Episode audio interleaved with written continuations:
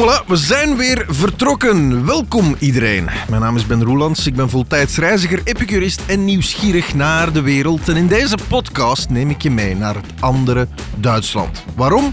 Wel, dat is erg simpel. Duitsland is als vakantieland volgens mij nog onontgonnen terrein. En ik vind dat jammer, want Duitsland heeft werkelijk alles. Zee, bergen, meren, steden, platteland, gastronomie, cultuur. En in elke aflevering stuur ik dus een van mijn gezanten erop uit om op verkenning te gaan in Duitsland. Vandaag gaan we het hebben over gastronomie. Jawel, ik heb ja, eigenlijk wel culinair journalist Tony de Koning van June.be erop uitgestuurd. En we duiken dus in de Duitse gastronomie. En bij eten hoort ook wijn. En laat dat nu net een van mijn specialiteiten zijn. Voilà, Tony, welkom. Tony, je bent er. Dat is fantastisch. We gaan het hebben over gastronomisch Duitsland.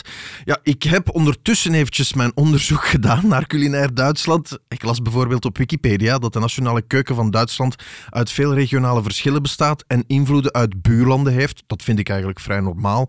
Maar ik las ook dat er 9 drie-sterren restaurants zijn en 45 of 46 liever met twee sterren. Dus laten we wel wezen, hè. om eventjes een open deur in te trappen, Duitsland, het is meer dan currywurst en vlammenkoeken. Ja, dat klopt. En je kunt die vergelijking eigenlijk een beetje doortrekken met België. Als je het, eh, het imago van de Belgische keuken in het buitenland bekijkt en daar vragen over stelt, dan zal men daar ook vlug zeggen van ja, België dat is eh, stekfriet, mosselen, waterzooi en Gentse stoverij. En dat heb je in Duitsland natuurlijk ook. Je hebt die regionale keuken en die regionale specialiteiten.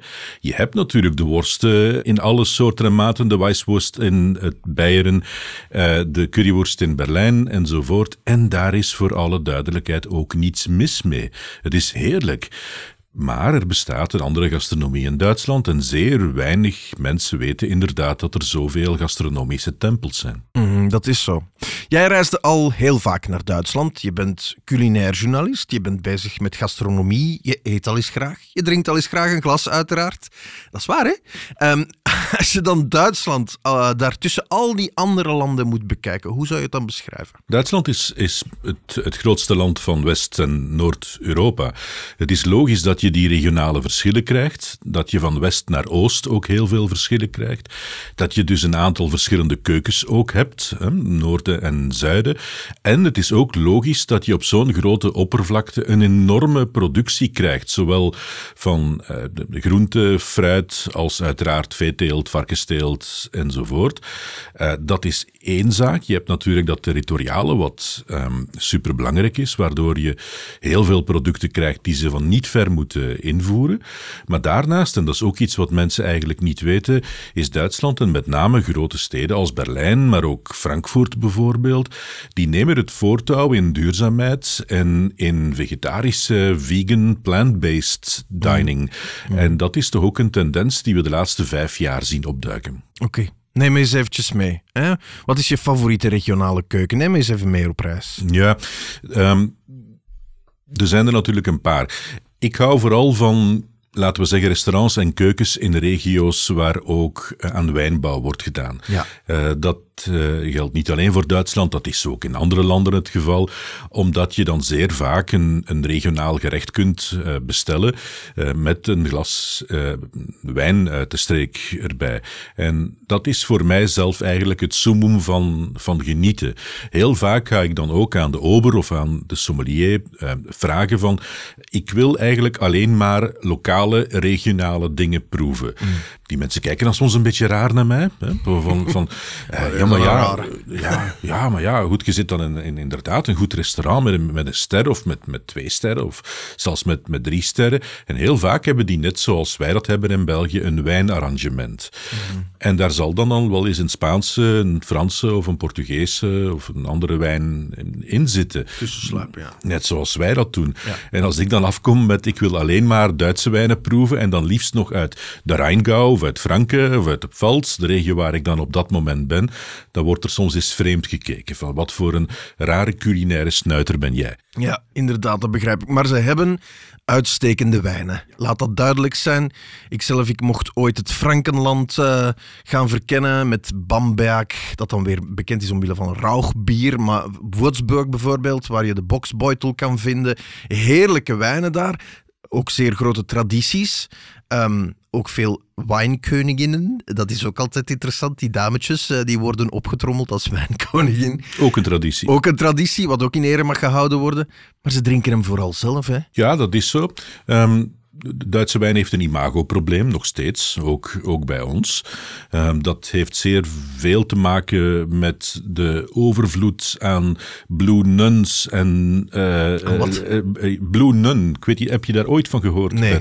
Ben? De, de, in in dus onze supermarkt in de jaren 70 en 80, de wijn die in bulk eigenlijk werd ingevoerd, daar stond een blauw geklede non op, een Maria-figuur op, en die ging onder de naam Blue Nun op de markt. Okay. Maar misschien zegt de naam Liebfraumilch je iets, iets ja, meer. Ja. Um, een, een overzoete wijn die met zeer hoge rendementen wordt gemaakt, waar je dus geen concentratie kunt in krijgen, maar heel veel suiker moet aan toevoegen.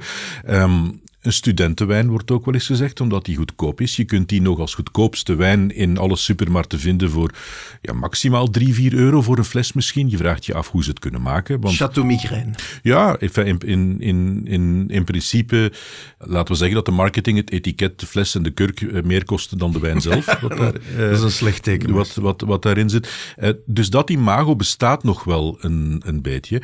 Terwijl, en daar moeten we dan diametraal tegenover stellen, terwijl terwijl eigenlijk in Duitsland wijn wordt gemaakt van de allerhoogste kwaliteit, die de vergelijking kan doorstaan met top Bourgognes, met uh, top wijnen uit, uh, uit, uit andere mm-hmm. wijnlanden in en, en buiten Europa. Ja. En dat weten wij dus niet. Nee, daar wordt uh, niet zoveel over gecommuniceerd.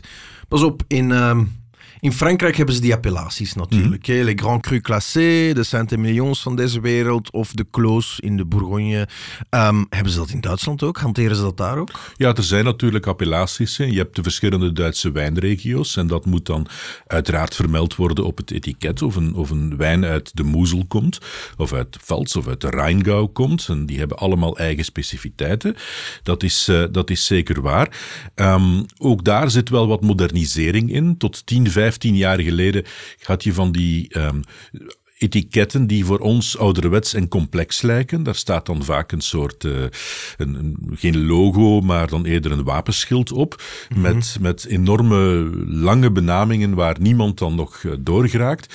Daar zie je wel vaak wat nu de laatste jaren wat modernisering in. Er zijn wijnbouwers die um, marketing begrepen hebben, die ook wat Engelse termen gaan geven aan, aan bepaalde wijnen. Maar per regio zijn er wel degelijk nog altijd wetgevingen en verschillen enzovoort. En er zijn ook overkoepelende benamingen.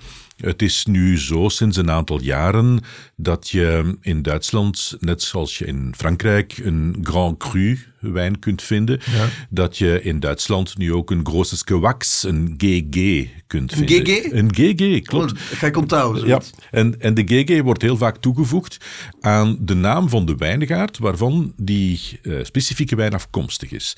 Uh, bijvoorbeeld in Riesling heb je dan een wijngaard en die heet Walzboheimer Gerkammer. Schitterend. En daar wordt dan GG aan toegevoegd. Um, die Walporzheimer Gerkammer, dat is dus die specifieke wijngaard. Het Hollywood Sign ken je. Mhm. In, in Duitsland heb je Hollywood Signs in de wijngaarden. Ja, ja, ja, daar, staan in grote letters staan, staan die benamingen van die specifieke wijngaard. Vaak heel stijl ook. Z zie je dus eigenlijk van ja, kilometers ver afstand.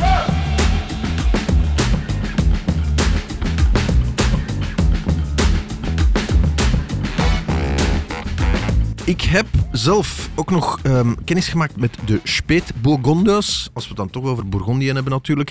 Dat is Pinot Noir. Is dat de moeite waard volgens jou, Speet Bourgonders? En wat is dat precies? Ja, Speet Bourgonder is het Duitse equivalent voor Pinot Noir. En ze hebben inderdaad een aantal terroirs, vooral in het zuidwesten. In, in, in Baden bijvoorbeeld, maar ook in de Aarvallei, waar we het straks nog kunnen over hebben. Dat is een van mijn favoriete regio's in, ja. in, in Duitsland.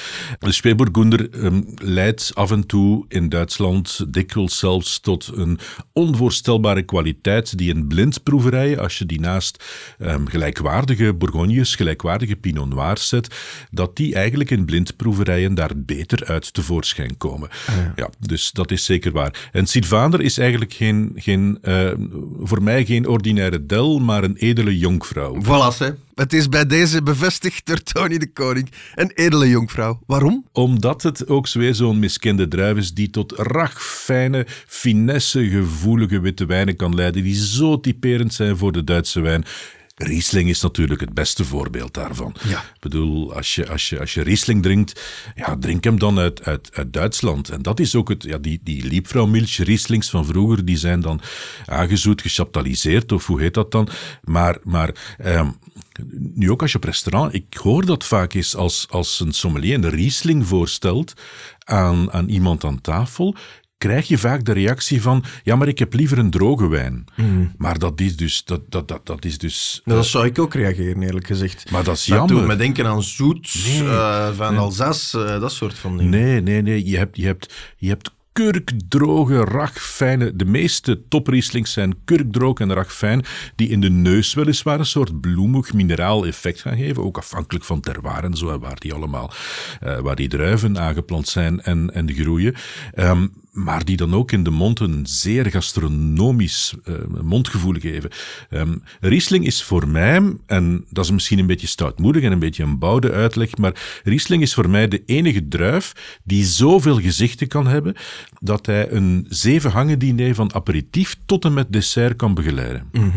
En toch zeggen ze vaak, het is de druif die de dirigent is en de eunoloog of de wijnmaker is maar eigenlijk de violist. Die bespeelt eigenlijk, want ja, die speelt wat de druif hen dicteert. Hè.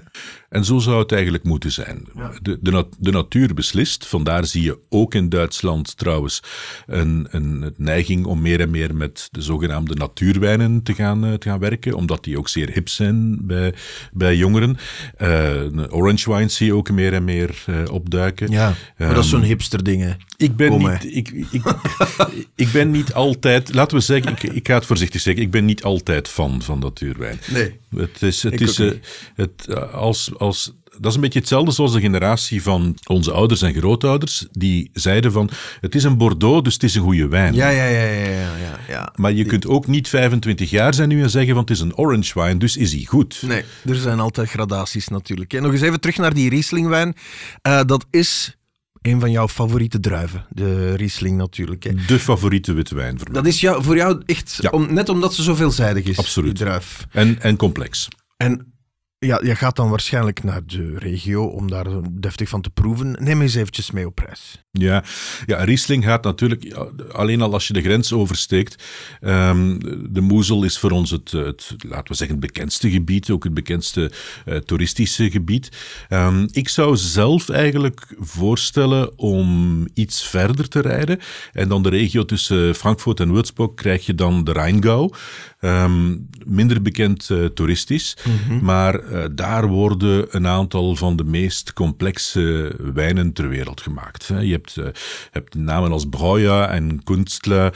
eh, je hebt, je hebt die, die eh, zodanig mooie grote geweksen maken dan. De GG. Ja, Uiteraard. die, die maken, dat, dat zijn de beste GG's die je kunt vinden in, eh, in Duitsland. De Rheingau is voor mij een van de betere Riesling-regio's. Ehm, rode wijn, als je Spätburgunder en zo gaat zoeken, dan moet je meer naar Zuid-Duitsland. Naar de, de Pfalz is daar eigenlijk eh, bekend voor. Regio Baden-Baden en zo, dat soort, eh, dat soort streken. En dan wil ik eigenlijk ook nog een lans breken voor een klein zusje van de Spätburgunder. En dat is de Frühburgunder. De Frühburgunder is een druif die vooral in de Aarvallei is aangeplant. En de Aarvallei is eigenlijk de wijnregio die het dichtst bij ons ligt. Die je eigenlijk op drie uur afstand kunt bereiken. Waar moet ik dat situeren dan juist? Ja, dat ligt een beetje onder, onder Bonn. Hè. Dat ligt tussen Aarweiler en Bad Neuenaar. Het is een fantastische toeristische regio waar ik nu ehm, een lans wil voor breken, omdat die regio twee jaar geleden in de grote eh, stormvloed, de overstromingen die ook hier Pep en Steyr, Verviers enzovoort eh, hebben doen eh, opschrikken. Ehm, in de Aarvallei is dat een ongelooflijke ramp geweest. Ehm, alles is eigenlijk ondergelopen en zeer veel wijndomeinen hebben daar hun oogst verloren. En dat, is, eh, dat was een drama, dat was een, een ramp. Er zijn, eh, afloop daarvan zijn er ook een aantal activiteiten en events georganiseerd, ook in België, om de wijnbouwers daar te gaan, eh, te gaan steunen. Ja. Het is uh, op, op de kortst mogelijke afstand de mooist mogelijke natuur met de stijlst mogelijke wijngaarden. Uh, en zowel Speetbogunde, want het is, dat is het rare, het is een noordelijk gelegen en een westelijk gelegen regio die voor 90% gespecialiseerd is in de rode wijn. Ja. En je zou dat daar niet nee, verwachten. Nee, zo noordelijk verwacht je dan niet, dat is waar. Maar de Speetbogunder is top en de Fruburgunder die zeer fruitig, lichtvoetig, speels, dartel, zomers is, dat is een van mijn favoriete rode wijnen. De geheime tip van Tony de Koning, de aardvallei. Ik ga het toch eventjes noteren. Ik zie hier een aantal mensen die al aan het googelen zijn trouwens ook. Uh, doe het vooral thuis ook. Ja, dat is echt iets om, uh, om mee naar huis te nemen. Er is ook trouwens een tip die ik wil meegeven, want een aantal jaar geleden heb ik de Elbevallei mogen ontdekken. Per fiets. En um, ja, zoals je weet, Dresden, voormalig Oost-Duitsland. Uh, je rijdt daar door een prachtig landschap met heel veel mooie meanderende uh, riviertjes. Maar um, waar we toen belanden, dat was in de buurt van Meissen, als ik me niet vergis. Daar zijn, ben ik toen ook een voormalige wijnkoningin tegengekomen. Uiteraard, zowat elke dame uit elk dorp in Duitsland is ooit wijnkoningin geweest. Bij toeval waarschijnlijk. Bij toeval, ja. bij toeval. Nee, en die dame die wist mij te zeggen... Ik zei tegen haar, ja, Duitse wijnen zijn eigenlijk nog niet zo bekend bij ons. En ze zei, ja, maar dat heeft bij ons ook te maken met het feit dat wij ooit Oost-Duitsland zijn geweest. Mm -hmm. Dat er geen export mogelijk was. Dat het beperkt bleef tot dit kleine gebiedje waar wij konden verkopen.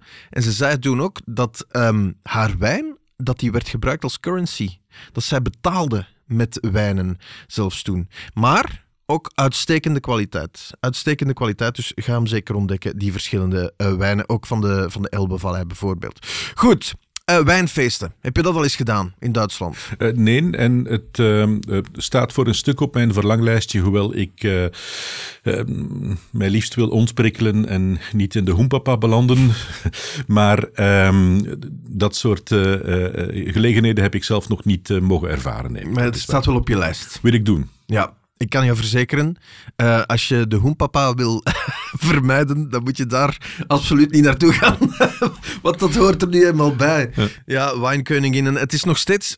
Bij ons, we hebben zoiets als een druivenkoningin. Dat behoort tot de folklore eigenlijk, zou je wel kunnen zeggen. Maar daar, als je wijnkoningin wordt, dat is een grote eer. En dat is iets wat je... Een titel die je voor de rest van je leven meedraagt natuurlijk. Hè. Zeker, zeker de moeite om eens te doen. Goed, de wijnen, dat hebben we nu wel in de kijker gezet. Ik denk dat we met z'n tweeën kunnen stellen dat de Duitse wijnen ontdekken dat dat een absolute must is. We gaan terug even naar de Duitse keuken natuurlijk. Hè. Je zei daarnet al, ja, er is niks mis met een goede curryworst van Berlijn. Uh, maar je hebt er ook een artikel over geschreven, bijvoorbeeld. Je bent op zoek gegaan naar de beste curryworst. Ja. Oké, okay, wat was daar de bedoeling van dan? Goesting. ik heb nu ook spontaan zin in zo'n curryworst. maar het is dat wat ik een beetje zeg. Je hebt natuurlijk in onze stijl, als, als zullen we zeggen, travel and food journalist, je hebt in onze stijl behoorlijk wel wat snobisme. Hè? Mensen die alleen sterrentafels willen aflopen, doe dus niet aan mee. Um, premium uh, food kan voor mij ook uh, een goede baguette met goede paté zijn. Uh, dat kan voor mij een fantastisch gemaakt plant-based gerecht zijn. En dat kan dus ook voor mij een, een streekgerecht zijn dat bij een stad of bij een bepaalde streek hoort. In Berlijn is dat nu eenmaal de curryworst. Mm -hmm. er is, rond curryworst is er een zekere cultus. Dat, ja. dat, is, dat is zeker waar. Mag ik, mag ik, wacht, ik denk Konopke? Ja, Konopke is... Is, is ja. toch een van de bekendste in ja, Berlijn? Hè? Ja, klopt. Konopke is um, voor mij eigenlijk ook een, ook een van, de, van de betere. Oké. Okay. Maar er zijn heel veel verschillen tussen. Ja, dus neem eens even... De, wat, wat, maakt een goede curryworst volgens jou? Wel, eerst, dat heb je dan toch moeten analyseren. Eerst moet je het lingo eigenlijk snappen. Um, en als je dat lingo niet snapt en je gaat ergens een curryworst bestellen, dan weten ze onmiddellijk dat je een verfomfaaide toerist bent die ze kunnen opleggen van s morgens tot s avonds. En dat is... Um, niet altijd fijn. Dus wat, wat bijvoorbeeld wat de uitbater van de tent altijd zal vragen aan jou, is het uh, mit oder ohne. Uh, maar als je dat natuurlijk niet goed snapt wat ze bedoelen, ze bedoelen eigenlijk van moet het velletje eraf of niet? Het, het geheim zit natuurlijk ook. Je hebt, je hebt worsten die een, een beetje de consistentie van een braadworst uh, hebben, kunnen ja. krijgen. En je hebt er ook die iets meer een, een, grovere structuur kunnen hebben, die dan wat dichter bij onze. Ik zou denken dat die met de grovere structuur artisanaler, ambachtelijker en dus beter zouden moeten zijn. Nee, dat is niet, dat is niet noodzakelijk gezegd. Nee. Dat, is de, dat hangt van het malen af. Uh, of het nu fijn of, of grover gemalen is. Ja. Um, enzovoort.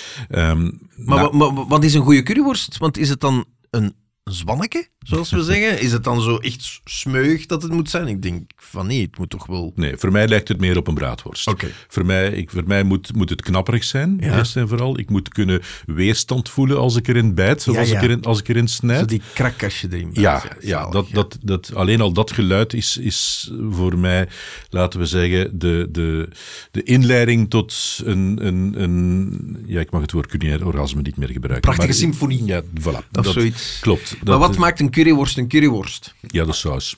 Ik had nooit gedacht dat ik die vraag nog zou stellen in mijn leven. Wauw, dit is echt fantastisch. Wat maakt een curryworst een curryworst? De saus. Ja, de knapperigheid van Maar de dus worst eerst en vooral, de kwaliteit van het vlees uiteraard, de saus uiteraard ook. Ik vind zelf dat ehm, ja, de saus moet, moet lauw warm zijn of moet warm zijn. Dat is voor ons als Belgen is dat vaak ook een beetje raar, want, want ehm, zeker, zeker in het Antwerpse, eh, als je hier over een, een curryworst spreekt, wat wij in, in, in, in Vlaanderen dan een frikandel noemen, als ik naar de frituur ga en dan bestel ik een frikandel speciaal, eh, dan vragen ze mij curry ketchup en dat is dan het dichtste wat wij bij een curryworst komen. Hè. Dan, dan wordt eigenlijk die vreselijke frikandellen of curryworst wordt dan opengesneden en daar wordt dan een halve liter eh curry ketchup Heerlijk. Echt Eh, fantastisch. Oh, ik krijg nu al honger. met, met, Met die uitjes. Met- Kom aan, Tony. ja, Hey. met, maar dat is mij een beetje te veel. Ja, oh. Ehm, en en eh, mensen, eh, mijn zoon bijvoorbeeld, die was voor het eerst naar Berlijn gegaan, die wou curryworst. En hij stuurde mij een, een appje om te zeggen van, die saus is warm hier. Dat is niet het enige, hè? dus ze doen er warme saus bij, maar ook kruiden nog. Hè? Ja, curry, Currypoeder currypoeder eigenlijk. Maar ja. Wat is de geschiedenis? Waarom eten ze daar curryworst eigenlijk in, eh, in Berlijn? Nou, Duitsland heeft natuurlijk een grote traditie van metzgerijen, hè? Van, van, van slagers, van beenhouwers, van tradities. Het zijn altijd al worstendraaiers en worstmakers geweest. En in alle eerlijkheid, als ik goede worst wil eten, zal ik ze ook in Duitsland kopen. Dus ik vermoed dat dat soort traditie daar wel voor een stuk in, in meegaat. Wat dan de specerijen eh, betreft, ja, currypoeder is natuurlijk niet echt een... Dat groeit niet eh, in, in het Eberswald of zo. Dat is, eh, dat, dat is iets wat ook moet, moet geïmporteerd worden. Eh, ik durf alleen maar denken dat dat ook door de jaren heen meegebracht is door de vele inwijkelingen eh, die we zeker in Berlijn dan, eh, dan ook vinden. Ja. Ehm, maar belangrijk is ook wel voor mij dat een curryworst niet verdrinkt in de saus. dat, kan ik, dat kan ik niet hebben. Mhm. Nee. Dat vind ik... eh, Maar zoals alles in het leven, goed uitgebalanceerd. Zo Ja. simpel is het. klopt. Je moet iedereen zijn eh, symfonie laten spelen, zo simpel is het. Nu hebben we het al de hele tijd over curryworst. Ik wist trouwens niet dat er zoveel interessants te vertellen viel over curryworst. Maar nu weet ik het nog niet. Wat is nu de beste curryworst van Berlijn? Knopke. Ah, toch? maar dan konden we eigenlijk heel snel gaan. Ja. Want die zijn wel de bekendste ook wel. Hè? Ja, ze zijn de bekendste, maar ze zitten ook op een, eh, wat mij betreft, zeer interessante locatie, die toch wel voor een stuk uit het, uit het centrum is, die eh, zich in het, eh, eh, laten we zeggen, het epicentrum van het voormalige oostelijke gedeelte bevindt, onder een, een metrobrug. Ja. De, de metro van Schönhauser Allee eh, ratelt daar boven, boven je hoofd. En wat ik ook wel belangrijk vind, is dat dat soort eh stalletjes, want eh, dat is het, dat die niet noodzakelijk de behoefte voelen om fancy te gaan doen. Nee. Het is nog altijd hetzelfde en niet meer of niet minder, hè, eigenlijk. Nee, klopt. Er moeten geen eh, glitters op de curryworst. Eh, als je een bier wil, zal je geen glas krijgen, maar nog altijd uit de halve liter fles moeten drinken. Ja. En dat maakt voor mij deel uit van de authenticiteit en de charme. Klopt. Ik was ooit in Düsseldorf en ik ben er op zoek gegaan naar een eh ehm, ja, eigenlijk een, zaak waar ze soep maakten. Soepenwerk heette dat toen. Ik moest daarvoor naar een industrieterrein, ergens buiten het centrum, buiten de stad. Ik kwam daartoe, een klein, klein, kleine zaak, met enkel één venstertje, met daarin één man. Een man die aan zijn soeppotten stond te draaien. Ik ben er binnengestapt. Die heeft toen een van de beste soepen gemaakt voor mij die ik ooit heb geproefd. Het was eigenlijk meer een bouillon met daarin verse groenten, een beetje ramen. Daar deed het mij aan Ja. denken. Maar het was echt heerlijk. Het was met een stuk vlees erin en, en het was nog met noedels en al de rest. Ik, ben die, ik heb die man toen aangesproken. Ik heb gezegd van, hoe komt het dat, u, dat uw broth zo goed is? Ah ja, dat is, dat is natuurlijk eigenlijk een recept dat ik van mijn vader heb meegekregen, vertelde hij. Het is iets wat dat van vader op zoon werd doorgegeven, waar allemaal kruiden in zaten. En uiteraard, kwaliteit kan je niet te gehaast maken. Dus daar, daar gaat een tijd over. Een lange tijd een goede bouillon laten trekken, dat is belangrijk. En het is dat soort van ervaringen die dat je zoekt als je op reis gaat. Authenticiteit, dat moet niet fancy zijn. Je moet daar niet met de glazen staan zwaaien en weet ik wat, wat veel. Of, of een ober die constant over je schouder zit mee te kijken. Uh, het, het, moet echt blijven, denk ik. En dat is bij die Konopke toch ook. Ja, en het interessante is, Ben, je hebt daar net... Je, het, het, het, is jouw schuld. Je bent over een stad begonnen die een van mijn favorieten is in Duitsland. Ja? Uh, Düsseldorf. Koningsallee. ja, de, de keu wordt het dan ja. in, in de volksmond daar genoemd. Maar om te eten ben, moet je mm. naar Düsseldorf. Ja. En dan vooral naar Japantown. Ja? Die tip had ik nu niet verwacht eigenlijk. Want we hebben het een tijdje terug over Düsseldorf gehad in een van de andere afleveringen. Bij deze warme uitnodiging aan jou, beste luisteraar, om die eventjes te gaan beluisteren. Maar um, ik weet dat er een Japanse cultuur leeft. Hè. Je hebt daar de Japanse wijk in Düsseldorf. Maar nu wil jij beweren dat ik naar Düsseldorf moet om Japans te gaan eten. Dat is toch wel... Uh... Düsseldorf heeft vanwege het industriële verleden in het, in het Roergebied, heeft na um, Londen en Parijs de grootste Japanse community in Europa. Uh, dat wordt vaak over het hoofd gezien. En ik moet zeggen dat zij tot tien jaar geleden daar eigenlijk zelf geen marketing-wise niet veel rond, rond deden. Nee. Japanse community is vaak ook vrij gesloten. Hè? Eh, die voelen zelf niet de behoefte om um, daar reclame rond uh, te gaan maken. Mm -hmm. um, wat er een beetje toe leidt dat je nog een aantal zeer authentieke um, restaurants vindt, Japanse restaurants vindt, in die Japanse wijk, die absoluut de moeite waard zijn en dus ook helemaal nog geen fancy dingen doen, maar waar sushi-masters aan het werk zijn en waar je eigenlijk nog voor geen geld in Europa voor mij prijs-kwaliteit de beste Japanse keuken kunt vinden. Kijk eens aan. Uitgerekend in Düsseldorf. Ja. Um, het loont trouwens de moeite om ook een Japanse supermarkt in te gaan lopen. Hè. Dat is, dat is, ik was daar maar met een paar collega-foodies. Ja. En, en eh, het was eigenlijk jammer, maar misschien ook goed, dat we niet met de auto waren, maar met de trein waren op dat moment. Want we zouden die auto volgestopt hebben met, met, met, met, met, met wieren en met, met noedels en met, en, en met matcha en, en eh, noem maar op, met, ja. met, met alles wat we dan um, daar kunnen vinden. Maar Düsseldorf is ook zeer dichtbij voor ons voor, ja. voor Vlamingen. Zeker voor mensen die dan Kempen, Limburg, daar sta je in minder dan twee uur, anderhalf uur zelfs. Dus dat gaat in principe zelfs voor een, voor een dagtrip. Maak er maar een weekendje van. Het is de moeite. Absoluut. Bij deze is het duidelijk, beste luisteraar. Als je Japans wil eten, dan moet je naar Düsseldorf. dat klinkt misschien een beetje raar, maar het is uiteindelijk wel zo. Um, voordat we hier aan begonnen, aan deze podcast, Tony. Toen liet je me weten dat je binnenkort in een sterrenrestaurant gaat eten. Um, en ja, we kunnen daar fancy over doen en zo van die dingen, maar eigenlijk gaan we toch allemaal op zoek naar authenticiteit mm -hmm. in de keuken. Hè? Het moet allemaal toch niet te fancy zijn. Wat, wat, verkies jij? Je doet dit nu al jaren. Hè? Je bent culinair journalist. Wat verkies jij? Wat, wat, maakt voor jou een geweldige ervaring? Dat moet toch meer zijn dan alleen wat op jouw bord verschijnt? Je moet met twee dingen rekening houden, vind ik. Aan de ene kant vind ik authenticiteit en kwaliteit op het bord absoluut belangrijk. Maar ik kan perfect begrijpen, en dat is voor mij ook um, soms het geval, dat je er de beleving bij wil. Mm -hmm. Dat je ook het, het concept van een bepaald restaurant wil beleven. Dat je daar een aantal uur wil doorbrengen. Dat de avond traag kan voorbij glijden. Wat wij allemaal van, van fine dining verwachten. Het beste wat ik ooit in Duitsland heb gegeten was een drie-sterren restaurant in Bergisch Gladbach. Dat is uh, uh, Vendôme heet dat. En, uh, trouwens een heel leuke anekdote. Ik was toen net bezig met een boek over truffels. Ja. Niet de chocolade, maar de, de, de, die van de varkentjes en, ja. en, de, honden. Um, en de uitgeverij had gevraagd om een aantal drie-sterrenchefs uit Europa daarin op te nemen. En ik was toen net bij die chef gaan eten. Heb nadien een berichtje gestuurd van... Um, zou het mogelijk zijn om ons een drietal recepten met uh, truffel te maken.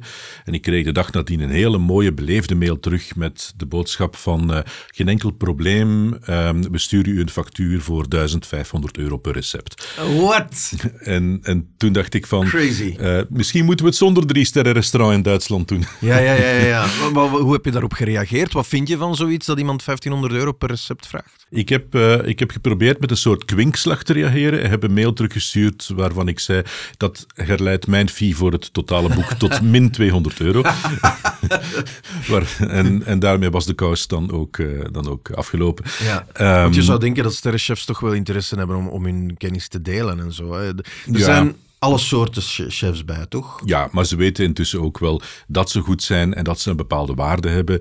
Uh, er zijn veel mensen die kapitaalkrachtig zijn in Duitsland en die de kans hebben om in dat soort restaurants uh, te tafelen. Ja. Uh, dat gaat trouwens niet alleen over Berlijn en Frankfurt, maar ook Hamburg en München, waar toch wel behoorlijk wat toprestaurants zijn. Um, maar dat is inderdaad een van mijn eerste, trouwens wel een van mijn beste maaltijden ooit daar. Je moet het een, het een buiten het andere bekijken. Kijk. Maar we moeten het sowieso over Berlijn hebben dan.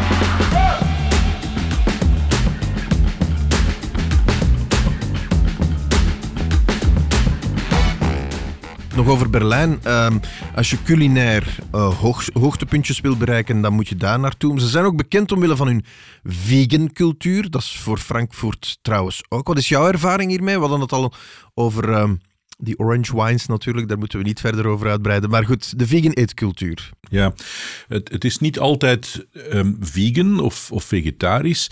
Duurzaamheid is voor hun ook minstens belangrijk. Ze kunnen net zo goed ook uh, vlees serveren, maar dan bij voorkeur um, in een straal van, ik zeg maar wat, 200 kilometer rond het, rond het restaurant. Waarbij mm. eigenlijk alle producten heel strikt... Local produce. Uh, ja, en wat, wat, wat zij dan...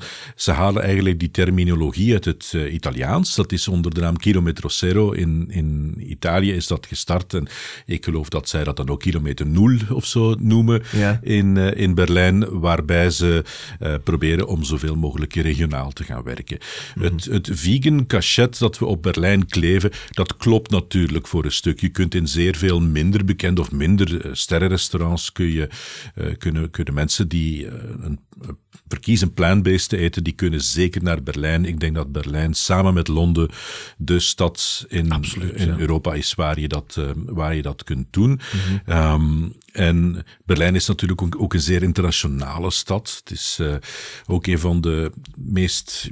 Ik, ik vind dat nog altijd de meest mysterieuze stad in, in Europa. Dat heeft mm -hmm. natuurlijk met die recente geschiedenis uh, te maken.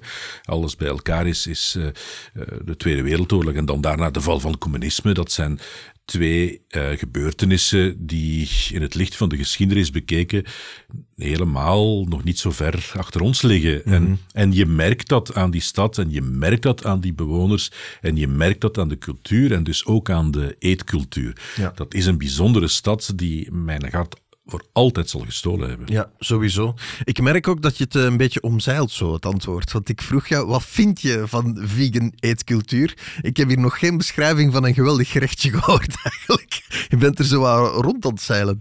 Ik begrijp de cultuur uitstekend. En ik zal in bepaalde restaurants ook wel de keuze maken om eens volledig plant-based uh, te gaan. Ik zie mij niet gauw volledig naar dat soort uh, dieet overschakelen.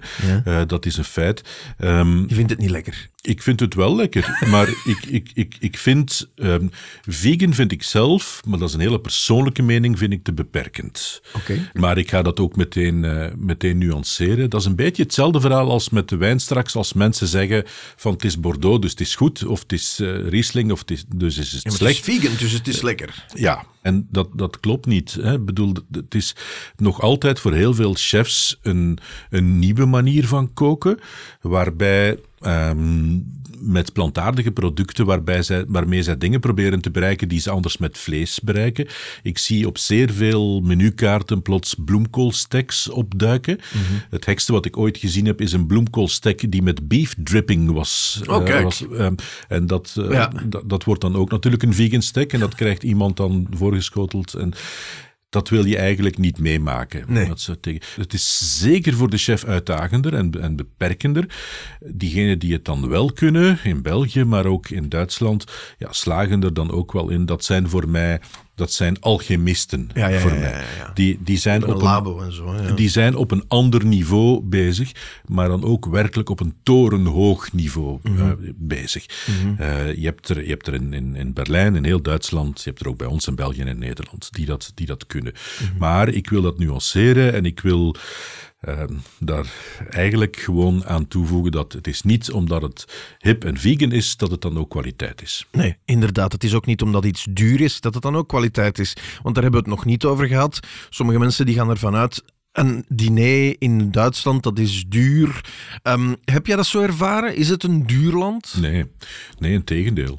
Zeker om te gaan eten. Ja, natuurlijk, als je naar een drie-sterren restaurant gaat eten, ben je altijd minstens 250, 300 euro kwijt. Dat is in Duitsland niet anders. Mm -hmm. Als je over Europese hoofdsteden spreekt, dan is Berlijn samen met Lissabon voor mij de uh, prijskwaliteit de, de beste stad om te eten in heel Europa. Ja. Je kunt in, in Berlijn, het is iets duurder geworden, maar maar toch nog niet te duur. Tien jaar geleden zou ik zeggen dat je in Berlijn smiddags voor 10 euro een warme maaltijd kunt krijgen. Mm -hmm. Laten we nu zeggen 15 euro. Ja, wat dat ook nogal schappelijk is. Natuurlijk. Dat is in vergelijking met wat wij hier hebben.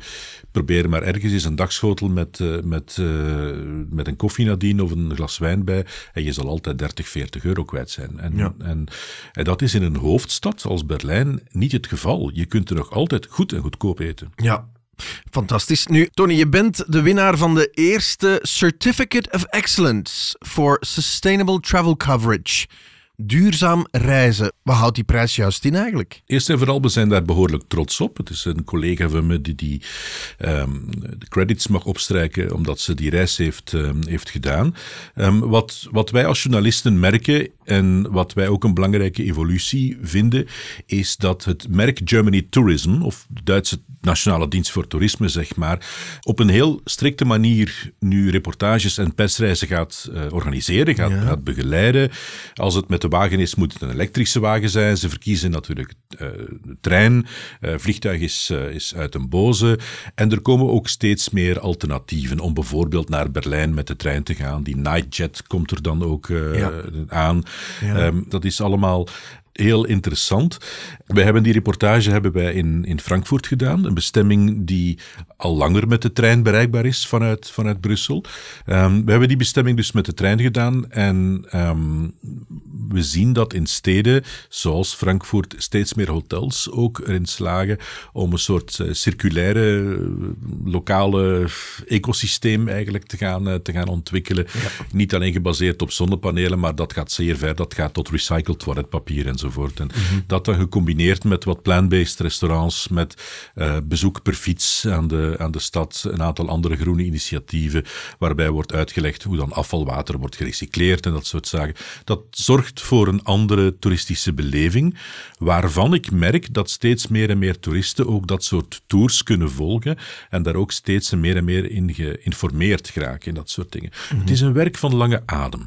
Wij hebben die tijd niet. Hè. Je spreekt over climate change die is nu. Mm-hmm. Dat is niet iets wat we over 30 jaar moeten oplossen. Um, dat is iets wat we, niet, niet, wat we nu moeten oplossen, niet over 30 jaar. Maar ik vind het wel belangrijk dat wij als, als reis- en foodmagazine een steentje proberen toe bij te dragen. Door middel van educatie, informatie en dat we de mensen eigenlijk op zijn minst de opties geven en informeren dat dat soort bestemmingen een mogelijkheid zijn. Absoluut. Ik denk dat het een uh, absolute must is voor elke bestemming om zichzelf duurzaam in de kijker te zetten. Je kan er niet meer omheen. Er wordt ook gevraagd van reizigers zelf, hoe duurzaam is deze reis? Wij zelf, houden er ook rekening mee. Ik kan me een voorbeeld uh, voor de geest halen dat we afgelopen zomer een citytripje Hannover hebben ondernomen en de voorwaarde was daar inderdaad dat we elektrisch zouden gaan. Dat we elektrisch tot daar zouden rijden. Dus uh, het was de trein of de elektrische wagen of mijn step, maar daar had ik nu niet zoveel zin in eigenlijk. Enfin, ja. um, maar volgens jou verantwoord en gastronomisch genieten in Duitsland, dat is perfect mogelijk. Er zijn veel duurzame eetplekken. Ja, het is, het, is een, het is een groot land, hè? van, van de Duitse Wadden in het noorden tot, uh, uh, tot de hoogste bergtoppen mm-hmm. in, het, in, het, in het zuiden van, van Beieren tegen de grens van Oostenrijk aan. van, van links naar rechts, we hebben het al over Saxe gehad, favoriete regio ook van oudsher. Um, het, is, het is een zeer groot land met, zeer, met een aantal ecosystemen, met heel veel territoriale mogelijkheden, met zeer veel gastronomische mogelijkheden. En is perfect bereikbaar met de trein natuurlijk ook wel. Um, goed. Een reis draait natuurlijk niet alleen om plekken en ervaringen, het draait ook om mensen natuurlijk. En daarom vraag ik in elke aflevering ja, welke figuur springt er voor jou uit tijdens deze reis? Wie heeft er jouw hart doen sneller slaan of net niet misschien? De meest fameuze maître d'hôtel van heel Berlijn. Oké. Dat is Billy Wagner Ja. van het restaurant, en nu moet je goed opletten, want het is een van de restaurants met de mooiste namen ter wereld, Nobelhaat und Schmutzig. Wauw. Ja. Schitterend. En wat betekent dat nobelhaat en schmutzig? Eh, Dat zal volgens mij gewoon nobelhart en vuil betekenen. maar het restaurant is ongeveer het tegendeel. Ehm, Het is niet schmutzig dus. Nee, het, het ligt op, op een steenworp letterlijk van Checkpoint Charlie. Mhm. Dus het eh, eh, is eh, zeer centraal gelegen. Maar voor de rest fungeert het een beetje als een speakeasy. Wat wij van de baarwereld eigenlijk kennen. Ik ben er met andere woorden drie keer voorbij gelopen zonder dat ik wist van, maar tja, dat is toch hier? Ja. Dat is dit adres. Ja. En, en je ziet het nergens buiten. Je moet, je moet eigenlijk een plek binnengaan, een deur die achter veloeren gordijnen zit weggestopt enzovoort. Dus het draagt een beetje bij aan het mysterie. Maar dan kom je op een, op een plek terecht die weggelopen lijkt uit een Wes Anderson film. Ah, fantastisch. Waar dus eh, alleen maar vinylplaten spelen. En dat, dat donkere geluid van die vinyl, dat hoor je van zodra je binnenkomt. Dat gaat van wat eh, bombastische techno tot heel lichtvoetige speelse jazz. Met de, de, de, de stoelen die zijn opgesteld rond de keuken. Maar het zijn er dan ja, 25 à 30 tal. Dus het is een groot comptoir. En dan heb je daar die majestueuze figuur van Billy Wagner, die in Berlijn en Duitsland, ik denk even gehaat als geliefd is. Om, om, omdat, hij, omdat hij eigenlijk erin, erin slaagt om zeer radicaal met dat restaurant om te gaan. Dat is bijvoorbeeld een restaurant met die filosofie van dat alles uit de, uit de buurt moet komen. Ehm, hij eh, sluit nooit eh, compromissen, zelfs als je op een bepaald gerecht, als hij daar hele zware kritiek, zowel van de pers als van klanten op krijgt. Nee, dat is de keuken die ze willen voeren en hij wil daarbij blijven en hij blijft daar al, al tien jaar bij. Ehm, en het is ook gewoon een kerel, maar dan, je moet hem zien, hij heeft, heeft, heeft, een lange baard. Het is een beetje een hippie gebleven.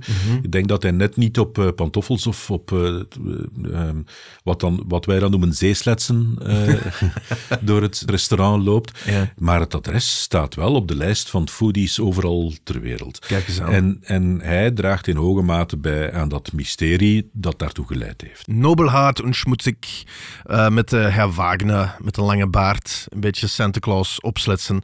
Fantastisch. Ehm, dat was een geweldige insider tip. De figuur van de reis, die hebben we natuurlijk. Maar we hebben een eh, heleboel tips opgelijst. Misschien toch ook even om onze luisteraars te helpen. Is er iets dat je zou mijden? Er is één gerecht of één bereiding die ik absoluut niet snap.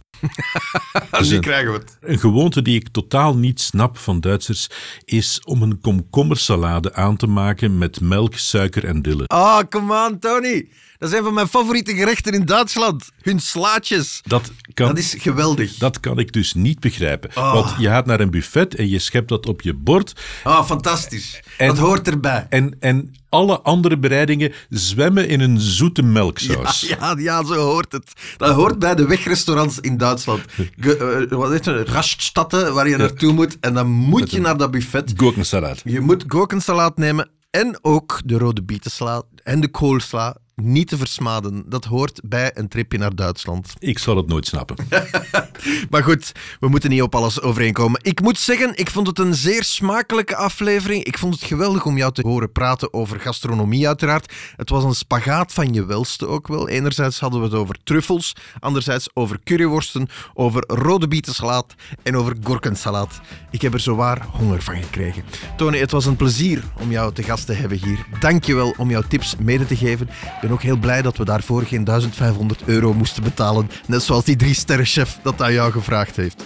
Nou, ehm, mocht je nog meer informatie wensen, dan eh, raad ik je aan om even te gaan kijken op de website germany.travel. En uiteraard, als je daar dan toch bent, dan kan je je abonneren op deze podcast. Zo ben je er zeker van dat je niks mist.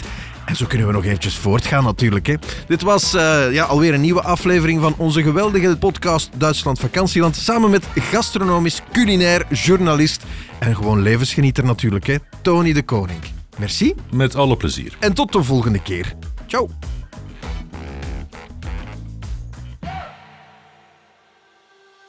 Deze productie is tot stand gekomen met ondersteuning van de Deutsche Centrale für Tourismus. Meer informatie over het vakantieland Duitsland kan je vinden op germany.travel.